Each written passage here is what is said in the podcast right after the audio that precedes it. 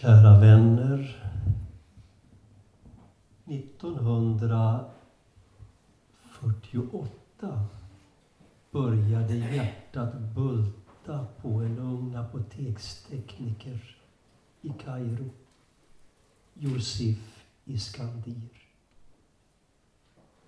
Han blev plötsligt övertygad om det möjliga i att i vår tid gå i de gamla ökenfädernas, ökenmödrarnas fotspår. Han sålde då sina två hus, sina två bilar, sina två apotek. Han var i början av karriären. Och han sa till sina vänner, nu går jag till det mest avlägsna av alla kloster vi har i vår kyrka.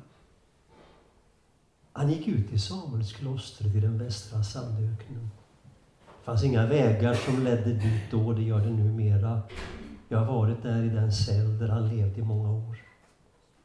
Där var då bara en handfull gamla munkar, vältränade på askesens väg. Och den unga akademikern från storstaden försökte slå följe med dem. Det är klart, det var inte så enkelt. Han blev snart sjuk. Och munkarna såg att han behövde komma under vård. Men han ville inte lämna. De fick nästan tvinga honom att komma under vård, men han kom snart tillbaka. Och han var som en magnet på unga människor som längtade efter hängivenhet, radikalitet. Så börjar den nu pågående klosterväckelsen i den koptiska kyrkan i Egypten. Efter några år så tar Josef Iskandir, han har nu tagit sig namnet Matal Meskin, Matteus den fattige. Han tar med sig en grupp av sina lärjungar, lämnar klostret, de drar norrut och slår sig ner i en dalgång, Wadi Rayan. Där lever de som eremiter i tio år. Det var 1960 som de kom dit. Vad gör fader Matta under de tio åren som eremit i dalgången. Ja, vad gör han tillsammans med sina vänner varje natt? De ber det man på koptiska kallar tashbaha, nattens lovsång. Timme efter timme så firar man bönerna, gudstjänsten, ber psaltarpsalmerna som övergår i firandet av den stora liturgin, eukaristin. Vad gör han mer under åren som eremit i Vadirayan? Han skriver in Guds ord i sitt hjärta. Han gör det genom en form av andlig läsning som nog inte är så vanlig numera. Han läser inte bara texterna för sig själv tyst. Han läser inte ens bara högt, vilket ju var det vanliga i den äldre traditionen. Även om man läste ensam så läste man högt. Men han gör till och med så att han skriver av texterna för hand, på blad efter blad. Så gör han med Bibelns texter. Alltså ett sätt att skriva in texterna i sitt eget hjärta och så gör han med den som snart blir hans store andlige mästare och lärofader. Isak, Syrien. Jag tog med det enda som finns av Isak på svenska. En liten tunn bok, ett destillat sammanfattat och översatt av professor Gunnar Wallqvist. Jag vet inte om ni är bekanta med Isak som kommer ifrån eh, trakten, dagens Mosul, som vi har lärt känna där våra trossyskon är så utsatta numera. Dit kom Isak vandrande på 670-talet. Han slog sig ner där. Och så skulle man välja en ny biskop i kyrkan i Nineve. Folk hade lärt känna Isak som man sa till varandra, tänk om vi kunde få Isak till vår nye biskop. Man vill ju gärna ha en bedjande biskop. Och så blir det så, man väljer Isak till ny biskop i kyrkan i Nineve. Men det går bara fem, sex månader så har Isak tröttnat på allt bråk i kyrkan, allt byråkratiskt krångel, alla som hopar anklagelser om heresi över de andliga lärare han när sig av. Efter fem, sex månader tar han vandringsstaven och så säger han Biskop kan ingen människa i världen vara. Och så går han upp i ökenbergen och lever där. Och det är klart, det är lätt att man tänker då, vad synd, han fick inget större inflytande, han ville inte vara biskop. Isak är en av de mest inflytelserika. Det går rännilar av andlig förnyelse från hans liv århundrade efter århundrade. Hundra år efter hans levnad, man läser Isaks skrifter överallt. Också när man bråkar med varandra på ytan i kyrkan, bägge läger läser Isak. Han är en radikal ekumen, en gränsöverskridande gestalt som tar hela världen i famn. Vad var hans teologi? En kväll samlar han sina lärjungar omkring sig och så ställer han frågan hur vet man att man har ett rent hjärta? Det är samma fråga som man skulle kunna formulera den så också. Hur vet man att man är fylld av den helige Ande? Det är identiska frågor. Eftersom det är Anden som ger ett rent hjärta. Ingen vågar riktigt svara. Alla vill ju ha ett rent hjärta, men de tänker, kan man veta, kan man helt säkert veta det? Lång tystnad och till slut bryter Isak själv tystnaden och säger, ja men då ska ni få veta hur det är. Så här är det, säger han. När man inte längre betraktar någon enda människa som besudlad och oren, då vet man att man har ett rent hjärta, säger Isak. Det kan vara lätt att rygga tillbaka inför det där också. Nej, men kan man betrakta alla som oavsett vad de har... Ja, Isak tar inte lätt på våra brott och synder. Sannerligen inte.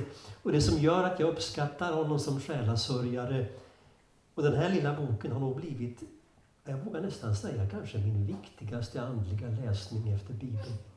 Jag har numera skaffat två exemplar av den här boken. Jag har en liggande på nattduksbordet jag har en liggande i bastun. Det gör att varje bastubad blir en, en redning i dubbel mening. För att läsa Isak, det är ett reningsbad för själen. Man läser honom inte för att lära något nytt. Även man kanske gör det också i förbifarten. Man läser honom därför att läsningen gör någonting med den. Och det som gör att jag uppskattar honom är att han bjuder mig ett motstånd som jag känner att jag behöver. Men inte ett motstånd som stukar och knäcker mig. Det finns ju gott om sånt också. Men som på något märkligt sätt stärker mig i min törst, i min längtan efter helighet. Isaks samlade skrifter är en, en volym som är nästan två tegelstenar tjock. Det här är ett destillat, men det var alltså denne Isak som blev fader Matalmeskins främste läromästare. Han skrev av hans skrifter också och hans skrifter genomsyrade fader Mattas skrifter. De blev med tiden ett bibliotek med långt över hundra volymer. Han gick ur tiden 2006.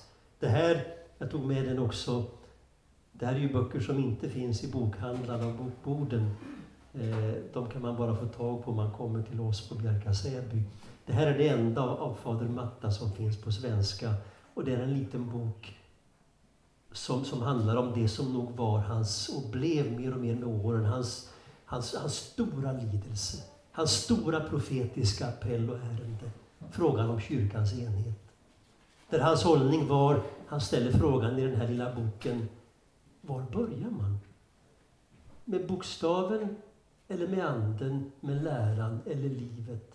Ja, säger han, om vi börjar med bokstaven, då kommer vi att gå runt, runt, runt, runt och blir allt mer övertygade om hur rätt vi själva har och hur fel de andra har. Och så säger han, vi måste börja leva tillsammans i trons enda och innersta väsen innan vi kan enas om innehållet. Det är fader Matan Meskin. 1970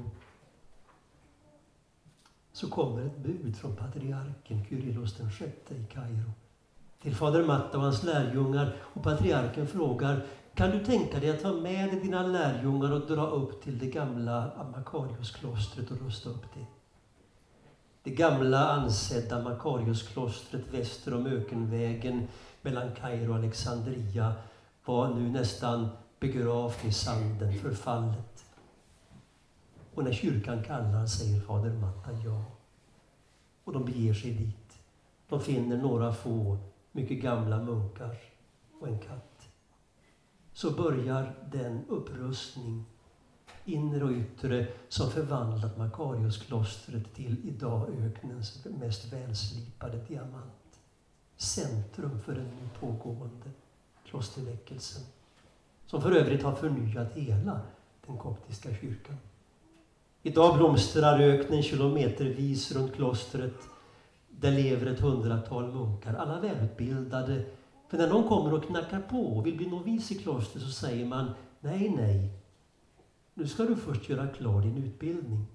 Livet i klostret är ingen flykt. Nej, återvänd till staden nu och gör färdigt din utbildning. Och sen om fyra, fem år, om hjärtat fortfarande bultar, så kom tillbaka då så ska vi se om Gud har kallat dig att leva med oss här. Så munkarna är välutbildade, läkare, dataingenjörer, tekniker, agronomer och så vidare. Jag minns när jag kom dit första gången, för rätt många år sedan Fick låna en, en cell av munkarna. På morgonen ringde klockan.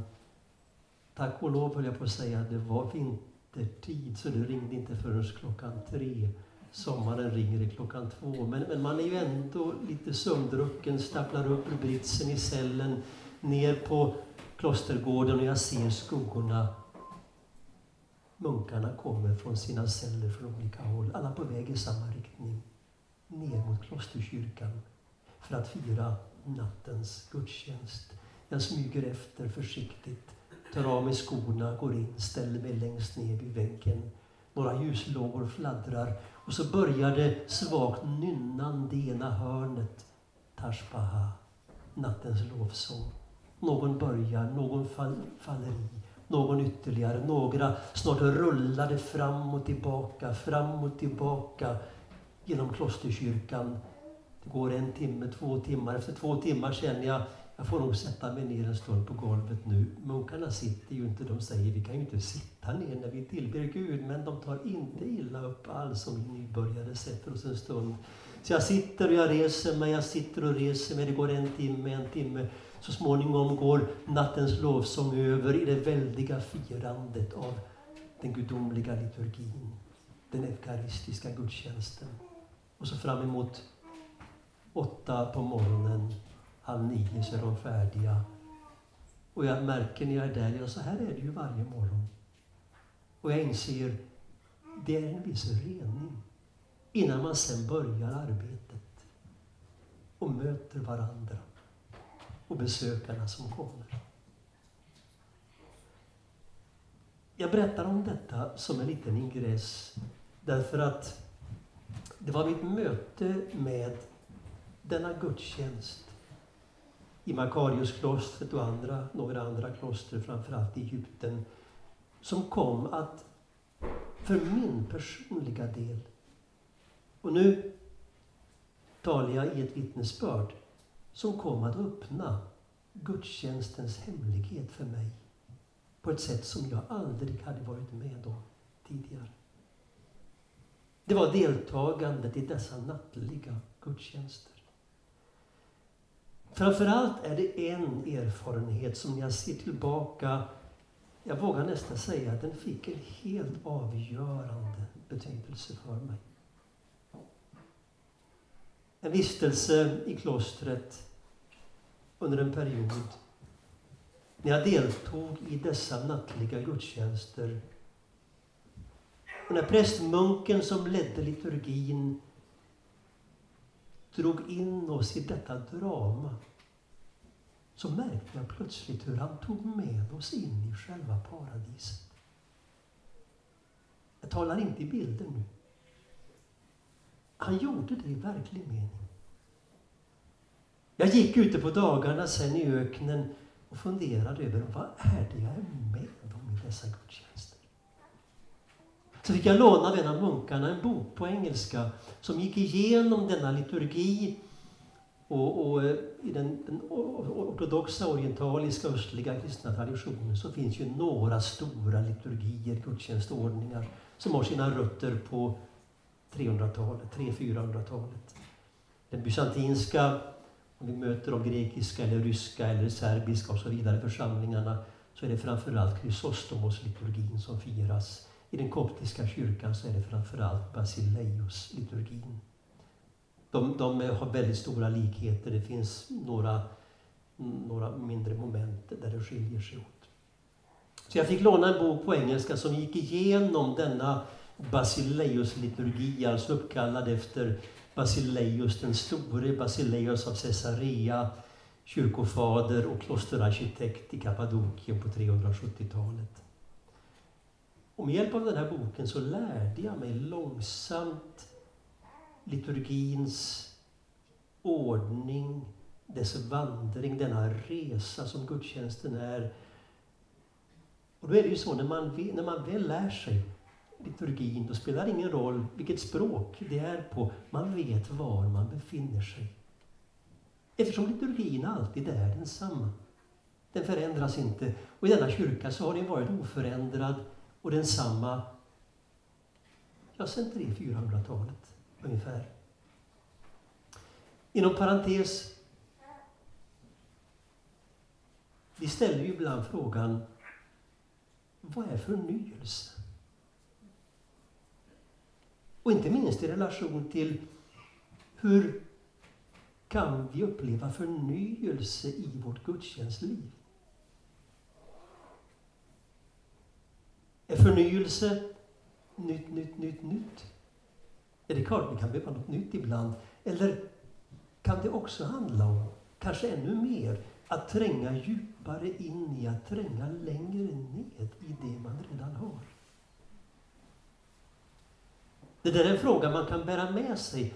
Därför att jag menar, när vi möter de här gamla kyrkorna, deras sätt att fira gudstjänst, så kan vi ju slås av tanken, ja men har de inte ändrat någonting sedan 300-talet? De måste väl ändå ha behov av att förnya sin gudstjänst? Men ställer jag den frågan till någon av till exempel munkarna i Makariusklostret så eh, blir han ganska oförstående. För han lever i en tradition där man tänker ungefär så här. Ja, men just genom att inte klädedräkten förändras så får vi ju hjälp att tränga innanför klädedräkten. Så tänker man liturgin, alltså dess yttre gestalt och skepnad, själva gudstjänstens ordning, är som en klädedräkt. Guds klädedräkt, helighetens klädedräkt. Och när man ska lära känna någon så är ju kläderna det man först lägger märke till. Också när vi lär känna Gud så bekantar vi oss med Gud genom hans klädedräkt. Bokstaven i skriften är hans klädedräkt. Liturgin är hans klädedräkt. Men det är klart, om kläderna hela tiden förvand, förändras och byts ut, då är det ju där vår uppmärksamhet stannar. Men just genom att klädedräkten är densamma och man lär sig den i det här fallet orden, ordningen, symbolerna, hela den yttre gestalten. Så behöver man inte längre tänka på ja, vad händer nu och vad kommer nu? Utan till slut, och naturligtvis om man växer upp i denna tradition från det att man är barn, så sitter snart hela liturgin i kroppen. Är det det som gör och underlättar för en enskild att tränga djupare innanför liturgin in i det mysterium som klädedräkten antyder.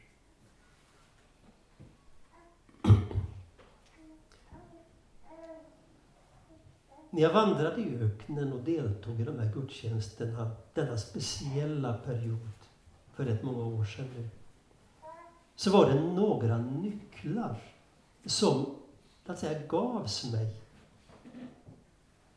och som för mig öppnade gudstjänstens hemlighet, gudstjänstens skattkammare. Och jag vill dela de nycklarna med er. Därför att det är nycklar inte bara in i gudstjänstens skattkammare, utan in i hela det kristna livet, in i kyrkans liv, in i Guds rike. Gudstjänsten är ju en förtätning av allt annat. Det är därför Irenaeus av Lyon på 200-talet, en av de betydande lärarna och biskoparna i den unga kyrkan, säger vår tro är i samklang med eukaristin. Och eukaristin befäster vår tro. Eukaristin är ju, blir ju snart den vanligaste beteckningen på den måltid man samlas kring när man firar gudstjänst varje söndag i, de, i församlingarna i den unga kristenheten. Den måltid som i Bibeln och kyrkans tradition har olika namn. Brödsbrytelse, Herrens måltid. Långt senare så kommer uttrycket nattvard, mässa, eukaristi säger man i den tidiga kyrkan. Och i många delar naturligtvis av kristenheten fortfarande. Och vi kan också använda det uttrycket, det är ju grekiska för tacksägelse. Hela det kristna livet är från början till slut en enda lång tacksägelse över Guds väldiga gärningar i Kristus. Och därför är hela den kristna gudstjänsten detta från början till slut. Alla kristna gudstjänster är det. Och gudstjänstens och tacksägelsens mest förtätade handling är en måltid. Så när Irenaeus talar om eukaristin, då talar han om gudstjänsten. Och han talar om den gudstjänst och egentligen den handling, den måltid som konstituerar kyrkan.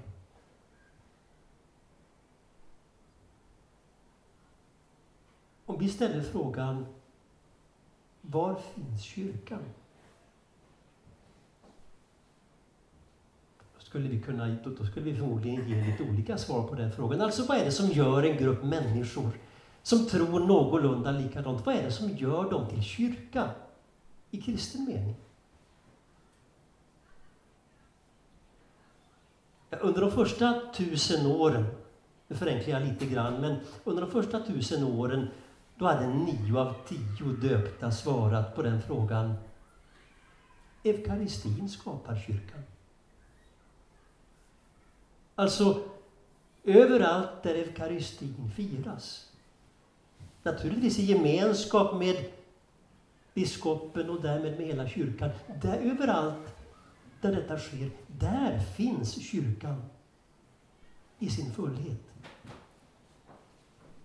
Och det var ju därför, bara en sån här liten detalj som är signifikativ, det var därför vi, därför vi kan avläsa i mycket tidiga texter att en av diakonernas viktigaste uppgifter i kyrkan blev snart denna att bära ut de välsignade gåvorna till de som av något skäl inte kunde vara med.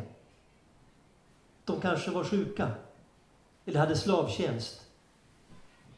För det var ju genom att de fick del av gåvorna som de var en del av kyrkan och församlingen. Men det är ju logiskt om det är eukaristin som skapar kyrkan. Då är det genom att jag deltar i måltiden, i gudstjänsten, som jag tillhör och är en del av kyrkan och församlingen. Och omvänt, att utebli ett antal söndagar i följd utan rimliga skäl, det var i princip att exkommunicera sig själv från kyrkan. Och det kan ju låta lite drastiskt i våra öron. Men egentligen var det helt analogt med hur man såg på kyrkans väsen. Eukaristin skapar kyrkan. Och när vi kommer fram på 300-talet och vi får en utveckling där det också börjar bli förenat med med privilegier och anseende att gå i kyrkan och så vidare. Då ser man sig nödgad att skriva in detta i kyrkolagen. Så att vi kan läsa i flera kanoniska lagar från 300-talet följande. Den som uteblir tre söndagar i följd utan skäl är exkommunicerad. Det säger ju någonting om hur man såg på kyrkans väsen.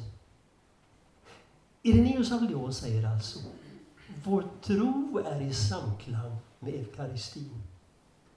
Vad säger han i detta första led? Jo, han säger allt det vi tror på, summan av vår tro, finns i denna måltid, i denna gudstjänst. Det som inte finns i denna måltid som vi firar, det behöver vi inte tro på. Det hör inte till vår tro. Allt finns här. Hela evangeliets summa. Vi kanske inte ser allting på en gång. Men allting är dolt i denna måltid. Och så vänder han på det och säger Eukaristin befäster vår tro. Det vill säga, det han säger är ju, det är när vi firar denna måltid, denna gudstjänst, det är då trons verklighet bryter in i våra liv. Det är då vi blir det vi tror.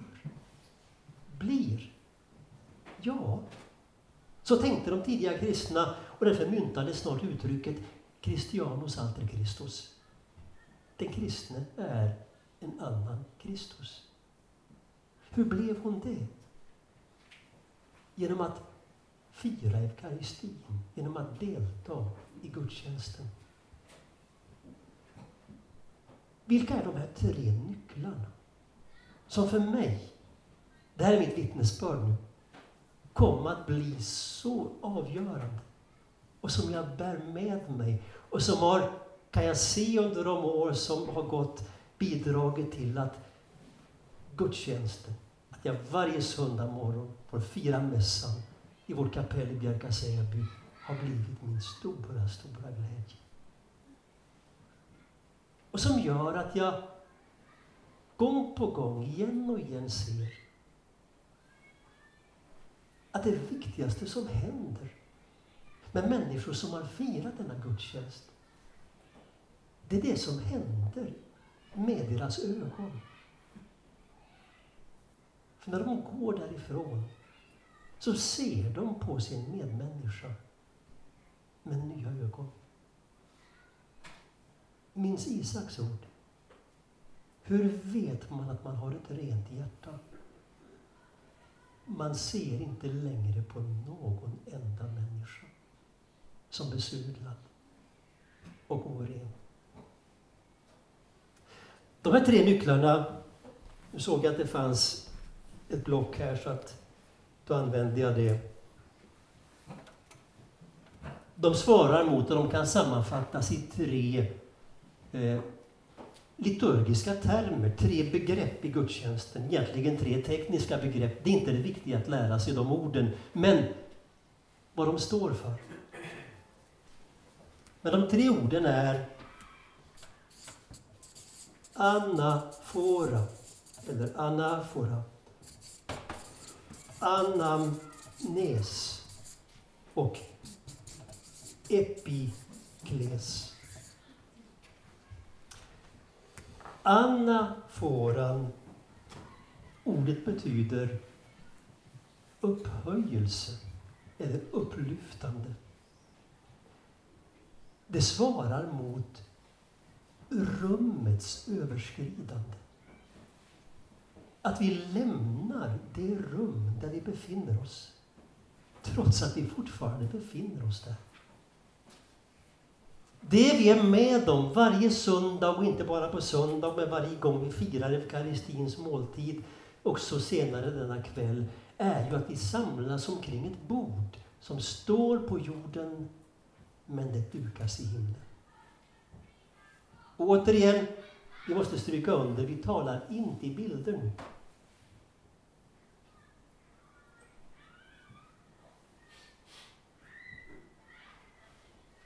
En av de tidigaste bevarade bönerna, eller ett av de tidigaste uttrycken som vi har bevarat, och som vi alltså vet användes mycket tidigt i församlingarna när nattvarden firades, när måltiden firades. Vi har ju väldigt många eukaristiska böner bevarade från 300-talet, men vi kan komma ännu tidigare. Och redan på 200-talet så ser vi att det var utbrett i församlingarna att när man skulle fira måltiden och gå in i detta, detta firande så säger prästen, celebranten, gudstjänstledaren till församlingen Upplyft era hjärtan. Detta känner vi alla igen. Vi kan höra det vart vi än kommer i världen där mässan firas i en allmänkyrklig tradition. Det är alltså något av det äldsta bevarade vi har när det gäller ord som vi använder i vår egen mässa, i vår egen gudstjänst. Upplyft era hjärtan. Varifrån kom de orden?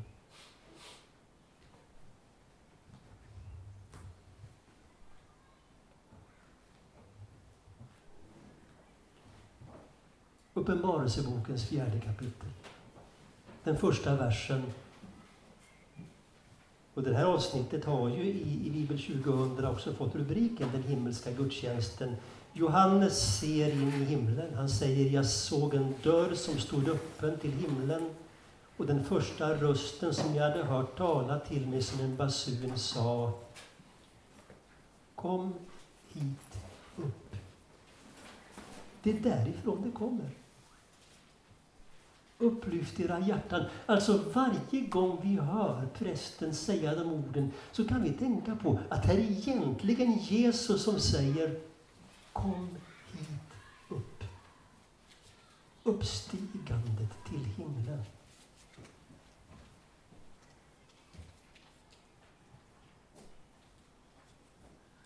Denna vision, för nu talar vi verkligen om en vision. Alltså en vision om vad gudstjänsten är, vad det är vi är med om när vi firar gudstjänst. Det var så levande i den tidiga, krist, i den tidiga kyrkan så den slog till och med igenom i själva arkitekturen.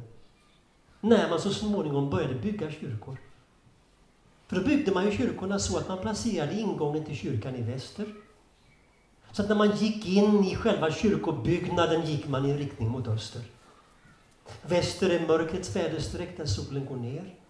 Öster är ljusets väderstreck där solen går upp. I öster ligger det förlorade paradiset. Själva arkitekturen gestaltar den andliga visionen. Den troende gick in i kyrkan, gick in i själva paradiset.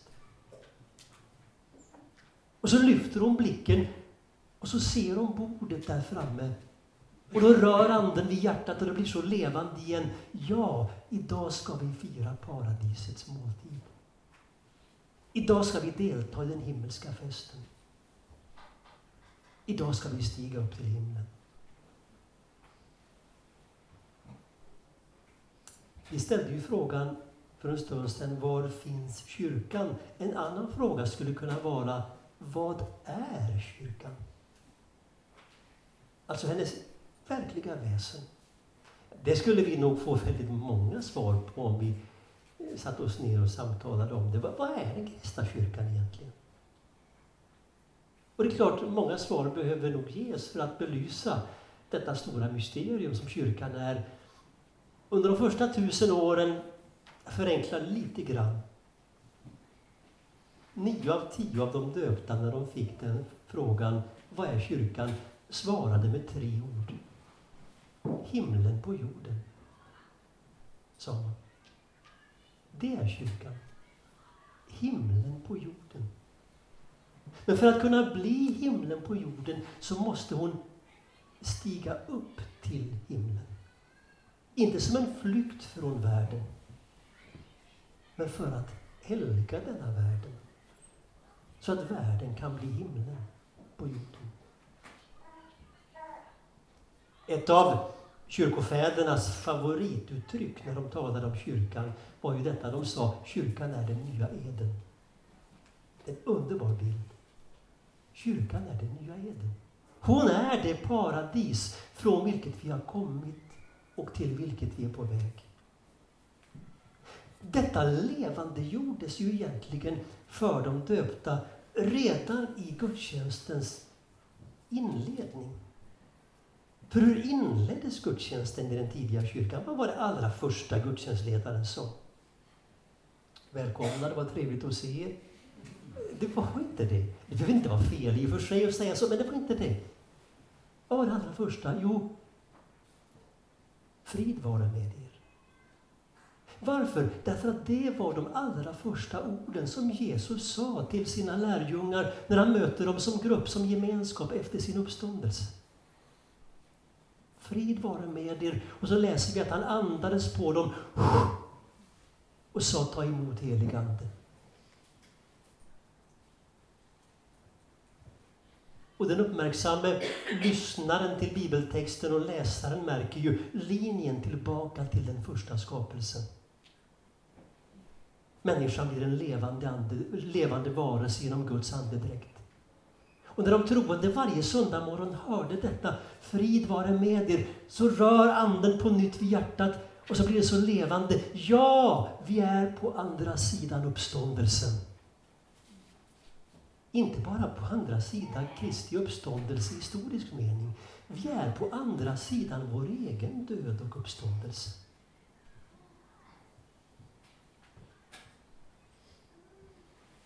Denna måltid som konstituerar kyrkan, som är en summa av hela den kristna tron, den kan man inte fira förrän man har lagt sin död bakom sig.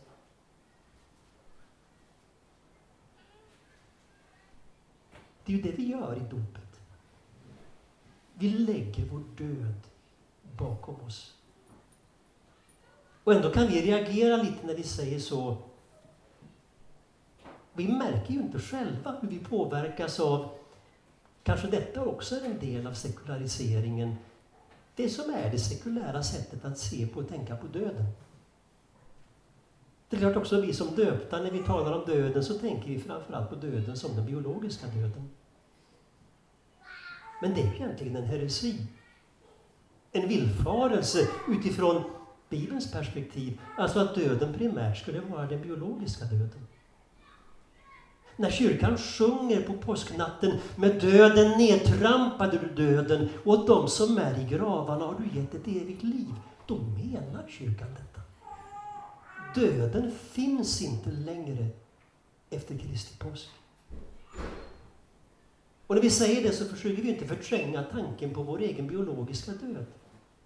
Men vi vet att efter Kristi påsk så kan döden inte längre göra den döpte någon verklig skada. Den har förvandlats till en tröskel som vi passerar för att fullt ut dela det eviga liv det eviga liv som ju inte börjar på andra sidan den biologiska döden. Det börjar på andra sidan dopet i vatten och ande genom vilket vi lägger vår död bakom oss. Det mest handfasta, konkreta uttrycket för det vi nu talar om. Att det inte bara ska vara någonting osynligt och andligt för oss. Det är en måltid. En verklig, reell måltid som firas i himlen på andra sidan tiden. Det andra uttrycket, och de här hör ju ihop, det handlar om tidens överskridande. Alltså anaforan, rummets överskridande. Anamnesen, tidens överskridande.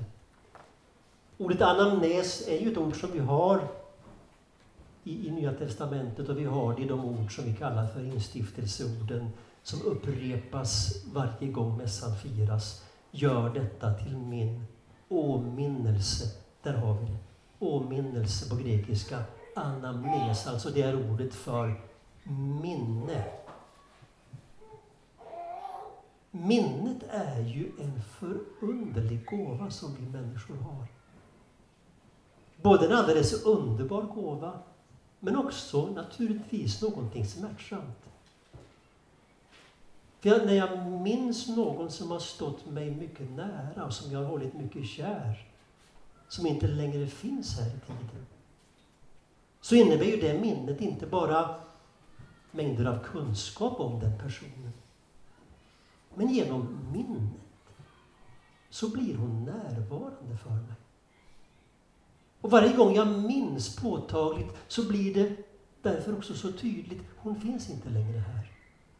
Aldrig mer ska jag känna beröringen av honom i den här världen.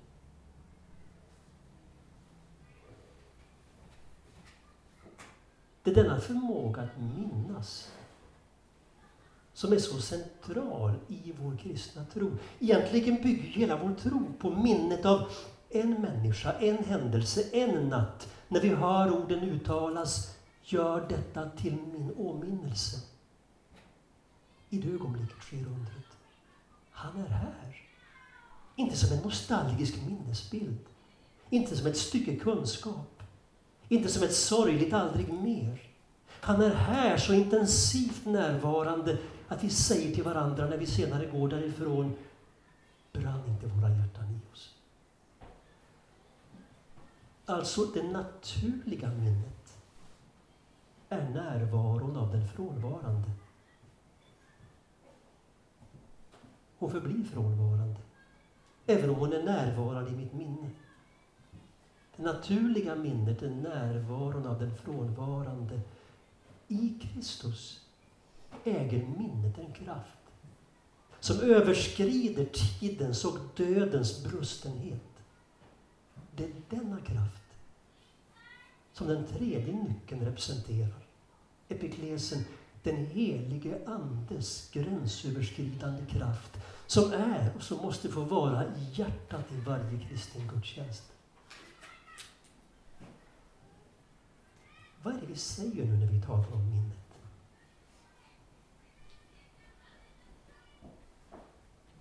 Tänker vi på detta att ett av liturgins, ett av gudstjänstens viktigaste ord, det är ordet idag. Vi säger ju alltid idag när vi firar gudstjänst. Alltså liturgin och kan vi säga i förlängningen det kristna livet har bara ett tempus. Presens. Vi säger ju inte på, på palmsöndagen att för 2000 år sedan red Jesus in i Jerusalem. Det, det, det stämmer ju historiskt och vi kan berätta historien så. Men i liturgin, i gudstjänsten, säger vi inte det. Vi säger idag rider Jesus in i Jerusalem och vi formerar oss gärna själva i procession just den dagen och vandrar tillsammans med honom och folket in i Jerusalem. Vi säger inte på julnatten för 2000 år sedan föddes Jesus i Betlehem. Vi säger i natt har Kristus fötts i Betlehem. Kärnordet i brevbrevet 13.8. Jesus Kristus är, är presens. Densamme igår, idag och i evighet. Han är i det som för mig är igår. Han är i det som för mig är imorgon. Om vi tänker så här, så kan det bli mer personligt. Det jag var med om för tre veckor sedan, för tre månader sedan, för tre år sedan. Där är Jesus nu. Han är i den händelsen nu. Den är i hans nu. Det är ju därför han kan hela ett sår i mitt liv som revs upp för tre veckor sedan, tre år sedan. Men det vi säger nu gäller ju också i den andra riktningen på tidens linje. Det vill säga att det jag ska vara med om om tre dagar, tre veckor, tre år, där är Jesus nu. Han är nu, nu i min morgondag. Om Anden levande gör detta, för det är bara Anden som kan levandegöra detta. Vad händer då? Jo, då märker vi väldigt mycket av vår oro lägger sig. För nästan all vår oro hänger på något sätt samman med morgondagen. Vad ska hända? Hur ska det gå? Vad ska... Men om Anden levande gör det jag ska möta imorgon om ett, ett år, där är Jesus nu. Han är nu, nu, i min dödsstund. Mitt dödsögonblick. Mitt. Som är dolt för mig, är i Guds liv. Om Anden levande gör det, då kan till och med den djupaste av alla rädslor i människans liv, rädslan för döden, lägga sig till ro. Detta är en stor hemlighet i firandet av gudstjänsten, av mässan, av eukaristin, söndag efter söndag, så är vi med om detta tidens överskridande. Vi firar minnet av det som har varit, men inte bara som en händelse som vi högtidlighåller, utan händelsen är närvarande. Hela frälsningshistorien blir närvarande. Och det är därför den ortodoxa liturgin kom att bli så rikt gestaltad och uttrycksfull. Hela frälsningshistorien blev närvarande. Men också i den andra riktningen. Vi firar ju också minnet av framtiden i mässan. Fast när vi säger så, så märker vi, att det går inte, man kan inte säga så. Att man firar minnet av framtiden. För minnet hör ju samman med det förflutna, vi minns någonting som har varit. Den här visionen, det var så levande bland de tidiga kristna, så den kom till uttryck, den genomsyrade de eukaristiska bönerna. Efter, om ni kommer ihåg lite grann ordningen i mässan när den firas på söndagen. Efter instiftelseorden vi har hört om, så kommer alltid en bön som är förknippad med det här begreppet anamnes. Alltså det som vi här kallar för anafora är ju ett specifikt ögonblick i liturgin. Upplyft era hjärtan. Men hela gudstjänsten är en anafora. För att hela det kristna livet ska vara en anafora. Hur då? Hur kan man stiga upp till himlen om man är på jorden? Är hemligheten den att vi bär himlen inom oss?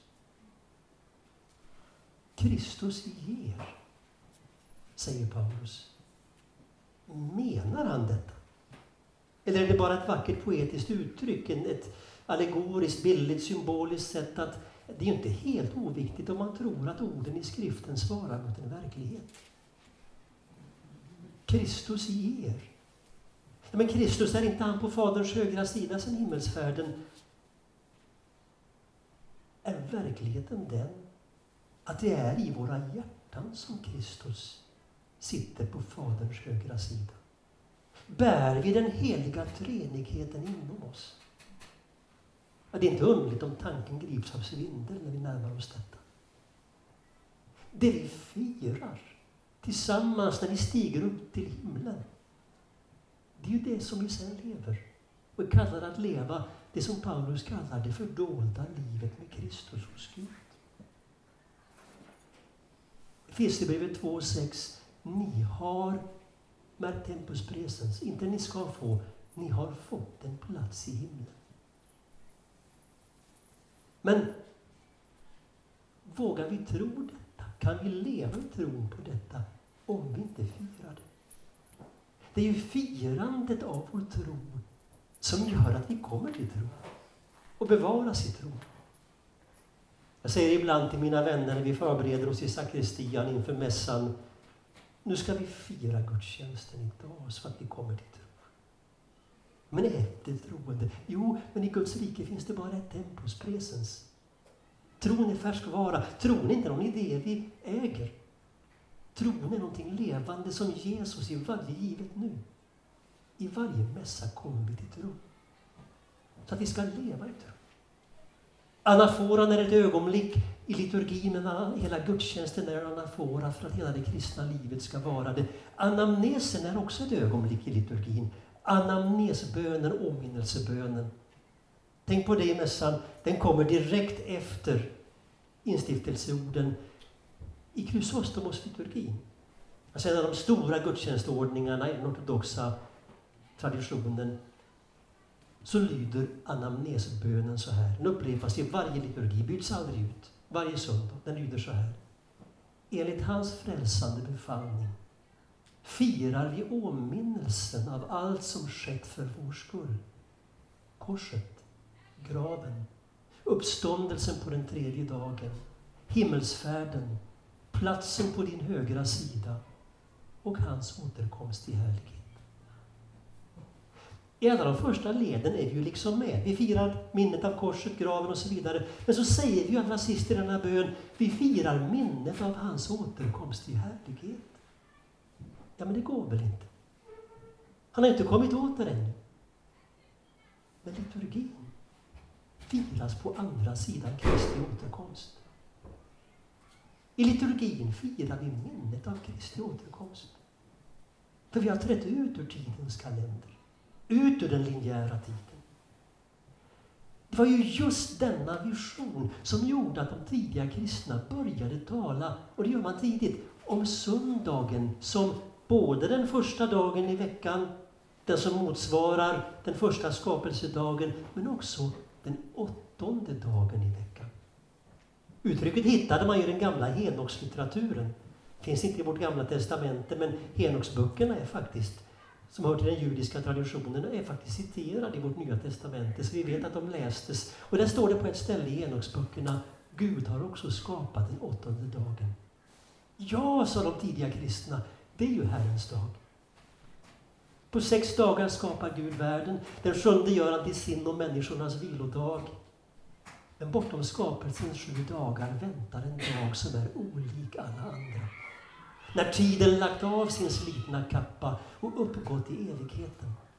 Den åttonde i Guds skaparverk. Den åttonde dagen är alltså bilden av evigheten.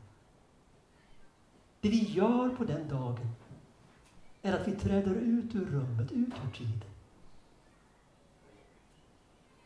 Och kyrkan blir det hon i Kristus är. Himlen på jorden. Anamnesen står för detta. Tidens överskridande. Och den tredje nyckeln, jag har redan antytt vad den handlar om, epiklesen. Det grekiska för ungefär åkallan. Det är den liturgiska, tekniska termen för bönen om den helige Ande. Bönen om Andens nedstigande. Och den bör man ju inte slarva med i gudstjänsten. I de äldre gudstjänstliturgierna så kommer den bönen efter åminnelsebönen. Då kommer epiklesen. Sänd din hel och det är alltid en bön om, om att Gud ska sända Anden, inte bara över gåvorna vi har burit fram till altaret, utan över oss alla som är samlade här och därmed över hela världen. För kyrkan är den nya mänskligheten i miniatyr. Och i mässan bär hon fram hela världen till Gud. Så att epiklesen i en del av de lite senare, mer sentida, ja det finns faktiskt också i någon av de, de äldre, men, men i, i de nattvardsböner och liturgier och gudstjänstordningar som vi kanske deltar i så kan den bönen också komma före instiftelseorden. Det kan till och med vara en dubbel epikles, så att den kommer både före och efter. Det är inte en fråga om rätt och fel, men det viktiga är naturligtvis att bönen finns med. Den har ett ögonblick i liturgin, men hela gudstjänsten är ju en epikles. Alltså en bön om, en öppenhet för, en väntan på, en längtan efter den helige Ande. Och den första epiklesen sker egentligen redan i gudstjänstens inledning. Frid vare med er och Jesus andas på församlingen. Redan där blir hon uppfylld av helig Ande. Detta är egentligen den avgörande nyckeln, därför att det är bara genom den helige Ande, vi talar ju inte om psykologi. Vi talar inte om att man ska intalas i vissa saker. Vi talar inte om bilder och symboler. Vi talar ju om verkligheter. Men det är bara genom den helige Ande som tiden och rummet kan överskridas. Som vi stiger upp till himlen i verklig mening och deltar, får en försmak av den himmelska måltiden, är ögonvittnen till händelser som ännu inte har inträffat. För att kyrkan ska vara himlen på jorden, eller Kristus i den här världen.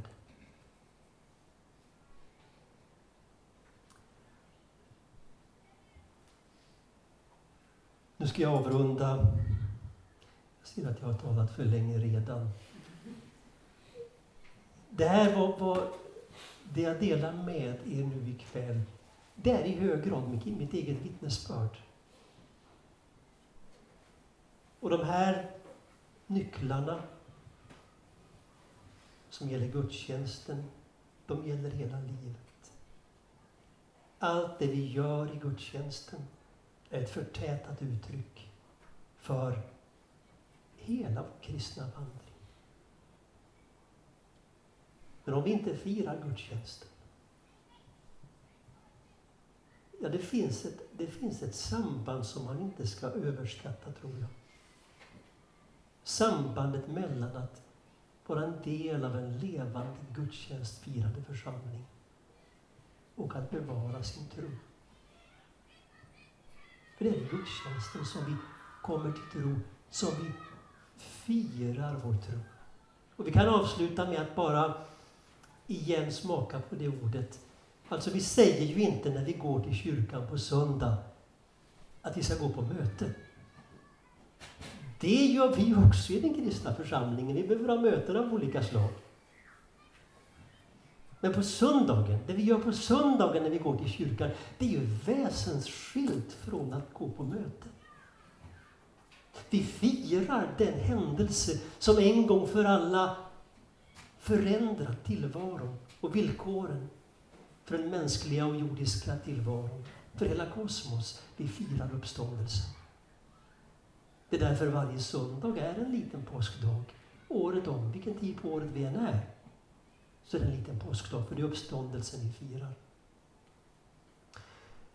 Och det finns några, och det kan vara ett ämne också för samtal, eftertanke, reflektion.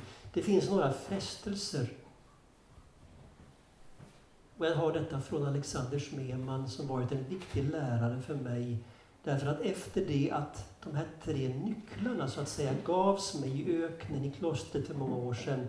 Den som hjälpte mig att alltmer förstå vad de stod för det var Alexander Smeman genom sina skrifter. Den ryske teologen Alexander Smeman som kanske varit en av de viktigaste förnyarna av gudstjänstlivet i kristenheten i stort under 1900-talet.